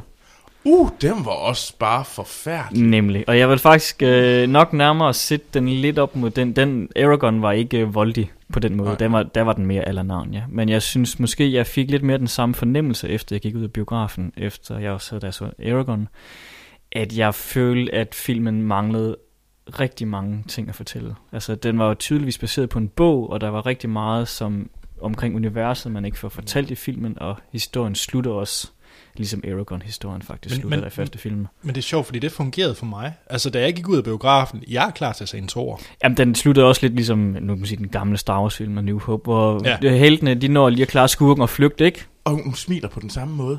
Ja. Lag I mærke til det? Alle de der, som kigger rundt, så smilte hun lidt ligesom, øh, ja, Luke gør i det afslutning. Og det var også bare, jeg sad... Nu skal vi passe på, at vi ikke går i spoiler-territoriet igen. Ja. Jamen, Det, det overrasker vel ikke nogen. problemet er også, at det er selvfølgelig Hun bliver ikke halshugget. I said it. Hovedpersonen overlever, tada.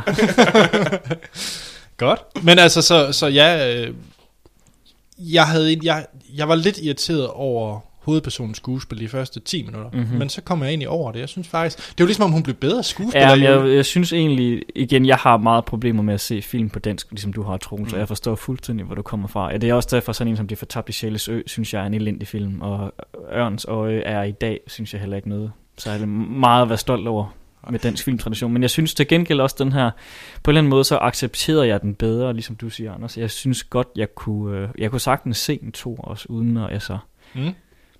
Det, og jeg synes også, hun blev bedre. Altså, Ja. hun, øh, hun Faktisk da hun fik... Øh, nej, det kan jeg ikke sige. men hun, jeg synes, hun gjorde, øh, især fordi jeg har ikke set hende noget før, jeg ved ikke, hun er vist helt ny up and coming, også på den måde, kan man sige. Men hun virkede synes- faktisk til at være solid børne, dansk børneskuespiller. Og det Absolut. synes jeg, at dem er der ikke særlig mange af i dag, fordi hvis du ser de der far til fire, og hvad det ellers er, de børneskuespillere der, de skulle aldrig spille skuespil igen, altså. Og jeg synes, at øh, ham der... Øh, ja, hvad hed han? Hvad blev vi enige om? Ham den rødhårede. The bad guy. Øh, Drakon. Draco eller sådan noget Drak. Stil. Drakan, ja. Jeg synes faktisk, han spillede meget sejt. Og så er jeg altid glad for Søren Malling også. Ja, du er virkelig fanboy. Altså, Søren Melling fanboy. Nå, jamen altså, han er da meget sej. Men jeg synes egentlig, de, de gør det alle sammen et hederligt forsøg. Jeg er ikke så vild med ham, øh, hvad var han, fyrste sønnen, som Prinsen. blev, ja, prinsen, som Nå, også er med ham fra i, Lev øh, Stærkt. er 1864. Der, Han er øh, meget fin. jeg, jeg, var ikke, jeg synes måske, han, han øh, kom ind på det territorium, hvor jeg vil sige, jeg har et problem med danske skuespillere, den her, eller dansk Okay. tale i den her type film. Og det samme med ham der, øh, troldmanden der, hans stemme var tydeligvis en, jeg har hørt før i en tegnefilm. Og det irriterede mig gevaldigt, at jeg så lige pludselig så hans ansigt. ja, jeg havde også, ah, ham har jeg hørt før, men jeg kan ikke kende, kende dig. Nej, og det, der, der har jeg et øh, problem med at se sådan en film her. Men øh, øh, til modsætning af dig, Troels, så synes jeg faktisk ikke, det, at det virker som noget live-rollespil. Jeg synes faktisk, at effektmæssigt og skuespilsmæssigt var det egentlig Mm. fint. Det var ikke, ikke ekstravagant, helt kanon film, øh, historisk og noget i alt det her. Men jeg synes, det var gjort rigtig fint, og jeg synes, de har gjort noget ud af sættene. Og Det har det så de flot bestemt. ud. Og øh, specielt øh, er det en spoiler at sige, der er drager med i den her. Ej, det, det kan man godt sige, der er. Godt. Men jeg synes faktisk, det er et interessant take på drager. Det er lige det, jeg vil sige, fordi det er ikke drager med, øh, med vinger og, og sådan nogle ting. Det er, det er fire ben. Ja, det, det er mere, hvad hedder den, øh, de der komodo-varaner. Ja, og det synes jeg er fedt. Jeg synes, jeg synes Så det var faktisk var et frisk mm, pust at se drager på den. Altså, det, er, det er det samme med Game of Thrones, som tager de her fantasy-elementer, du kender, men alligevel har skubbet dem, dialed dem lidt down, ikke? Altså, men også øh, så gør et andet twist på dem, og det synes jeg faktisk, de gjorde her med nogle af de der fantasy elementer. Altså, jeg vil faktisk sige, jeg vil give den her, jeg vil hellere se den her film igen, end nogle øh, specifikke episoder i Game of Thrones øh, seneste øh, sæson. For jeg synes virkelig, at det her, det her det var bedre end nogle af de øh, afsnit, der har været i den seneste sæson. Nej, det synes jeg ikke. På ingen måder. Jeg synes, det nærmede sig mere Aragorn, end det nærmede sig... Okay. Altså, Aragorn var nu, nu taler jeg så også om de, de dårlige episoder i Game of Thrones, er det, jeg taler om. Altså, Ja, skal vi give den nogle karakterer? ja, lad os det. Martin. Jo, ja, så kommer jeg ud på det svære område. Jeg er lidt i tvivl, om jeg skal give den to eller tre. Øhm, jeg vil så sige igen, fordi det, det er ikke så tit, vi ser den her øh, type film lavet i Danmark, og så i, i kontekst med Ørns øje og så videre, så vil jeg faktisk, så give jeg den et tretal. Og det er også, fordi den har fine effekter, som du siger, altså jeg synes, det har de gjort godt, og de har, altså de er okay troværdige. De har nogle steder, hvor man filmer væk fra ting, fordi man godt kan se, at de skal spare lidt på deres øh, special effects. Men jeg synes, de gør det okay. Jeg tror også, at til det publikum, den er til, som tydeligvis ikke er os, Nej. der tror jeg faktisk, den gør sig fint. Til dem, der har læst bøgerne, ligesom øh, Harry Potter-bøgerne, og dem, der så så filmen. Jeg tror, den har en fanbase derude, der kan få det, som øh, vil være glade for den her film. Troels. Øh, jeg giver den to. Det er bestemt ikke en film for mig. Øh, jeg synes, den føles rollespilsagtig, øh, sådan live rollespilsagtig. Men det er også, igen, det er meget muligt, at det skyldes, fordi det er dansk. Jeg synes, de bliver afleveret, ligesom jeg ville høre. Der er altså også pæne sæt til et live rollespil. Just to let you know. Ja, men de har ikke 50 millioners budget. Nej. Eller men- Søren Malling. Ellers, Ellers så, hvis Søren Malling De er har ikke Søren Malling. Det, det, det er i hvert fald det, de ikke har. Ej, jeg synes, at... Øh, ja, det er bare en tur for mig. Det, det, det, det er bare på ingen måde mig. Jeg var heller ikke sådan super fan af nogle af de der børneskuespillere. Simpelthen nogle af dem var træls. Og ja, jamen, så er det bare... Det, det er ikke en film for mig. To. Ja. Og jeg øh, giver den ligesom Martin 3. Det er nok et større tretal end Martins tretal. Øh, jeg synes ikke, den kommer op på et firetal, fordi jeg bliver, jeg, jeg bliver nødt til at kigge lidt subjektivt på det også, at det er ikke en film for mig. Nej. Altså, det er jo ikke en film, jeg sådan selv havde valgt at tage ind og se. Men det, at den faktisk var ganske tålelig at se, og jeg kedede mig ikke i... Øh, ja, den var øvrigt også kort. Ja, men det, den var ikke så, den, der var ikke langtrukken, nej. Nej, jeg, jeg synes, der skete noget øh, minut for minut, og øh, jeg kedede mig ikke, så den får et, øh, et stort 60 Jeg var vældig underholdt, og gik over mine forventninger. Tjek. Det var vel det. Jamen, det var det. I, øh, I næste uge, så står den på Into the Woods. Gør nej, den? Nej, den går... Gør den ikke? Nej. Næste uge står den på special. Står den på special næste uge? Ja. Nå.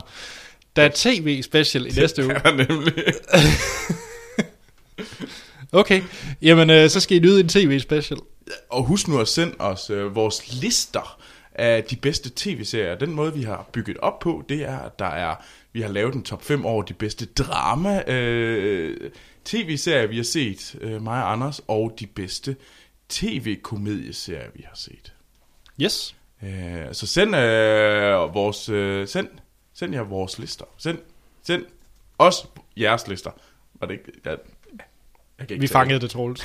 Vi forstår, hvad du mener. Yes. Og øh, tusind tak til dig, Martin, fordi du øh, vil være med. Det var så let, og tak fordi I må komme. Jamen, altid. Jamen, øh, skriv øh, endelig øh, ting, øh, spørgsmål ind til os på vores Facebook og Twitter. Mm. Under Filmsnak. E-mail, det er filmsnakpodcast.gmail.com Og vores hjemmeside hiddengems.dk kan I også lytte til meget andet godt og se mm. dokumentarfilm, som Troels har gjort. Ja. Og jeg selv, Anders Holm, kan findes på Twitter under A.T. Holm. Og Letterboxd er jeg også på under A.T. Holm. Mm. Og Troels. Jamen, øh, jeg kan øh, findes øh, på Twitter og Letterboxd, Letterboxd under Troels Overgaard. Og Martin, hvor kan du findes? Jeg kan også findes på Letterboxd som Animator Martin, og på Twitter som Holmen Revy. Jamen, så er der ikke andet at sige, end vi lyttes ved i næste episode.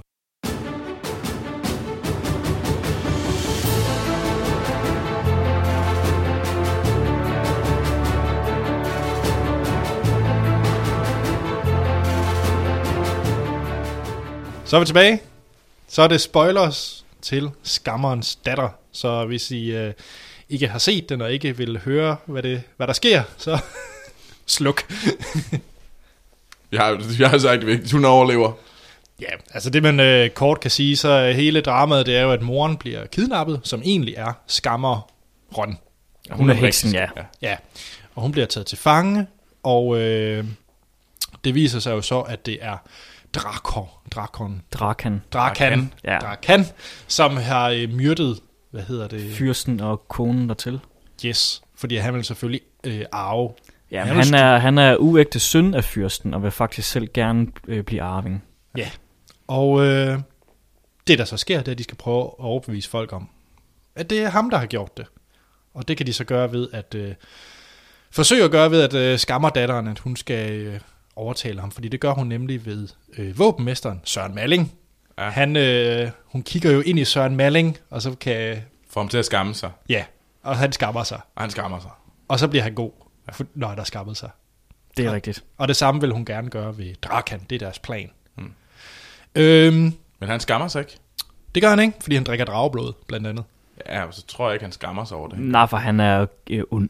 Han er er ond. hjerte, ikke? Ja, så han har ikke noget sig over. Nej.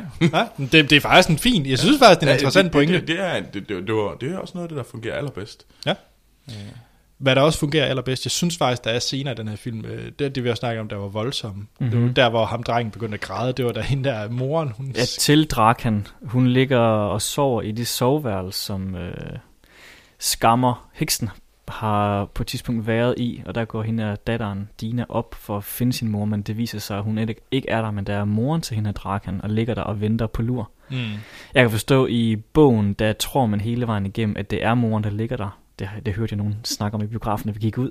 Nå, okay. Så der, der bliver der beskrevet som om, det er moren, der ligger der så lige aller sidste øjeblik, øh, da hun så hiver en kniv frem for at stikke hende Dina ned, altså skammerens datter, finder man selvfølgelig så ud af, at det ikke er moren, men Ja. ja, moren det- til Drakan i stedet for. Det var lidt et jumpscare. Det var der, fordi det var gav et sug igennem hele biografen, og så sad øh, samtlige børn under 6-7 år Ja. og, og skreg og græd i biografen.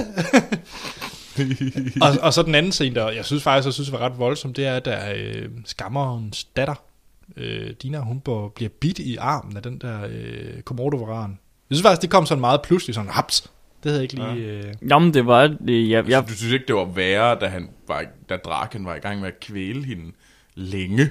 Oh, der, Det synes der var flere af den Jo. slags scener, hvor de heller ikke lagde skjult på, at der sker vold. Altså, de Ja. ja. var sådan rimelig øh, tydeligt, altså.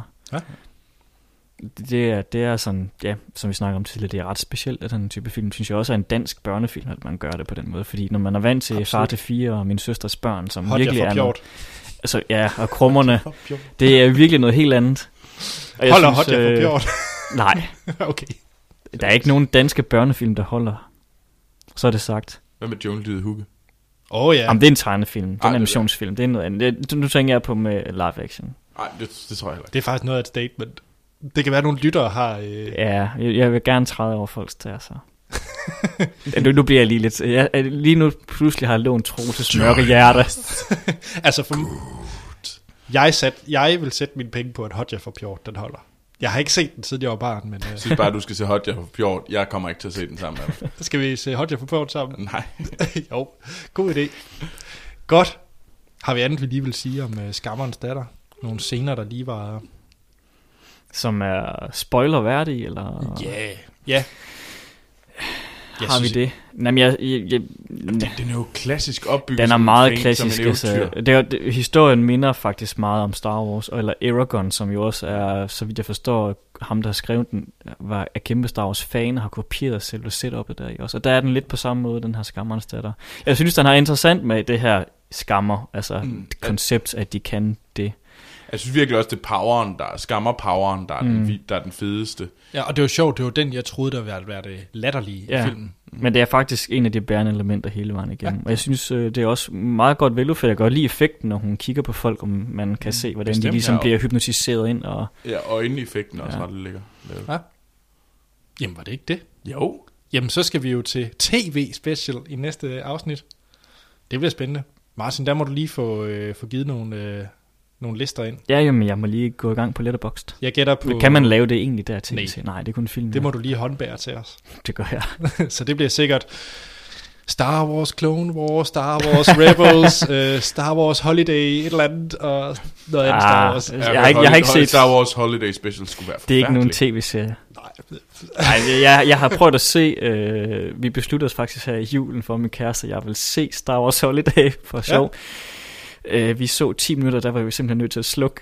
Fordi det bare vil ødelægge Star Wars. Ja, og det var så dårligt. Og med det, synes jeg, vi skal igen sige tak til dig, Martin. tak, tak. Og øh, så er der ikke andet at sige, end vi lyttes ved i næste episode.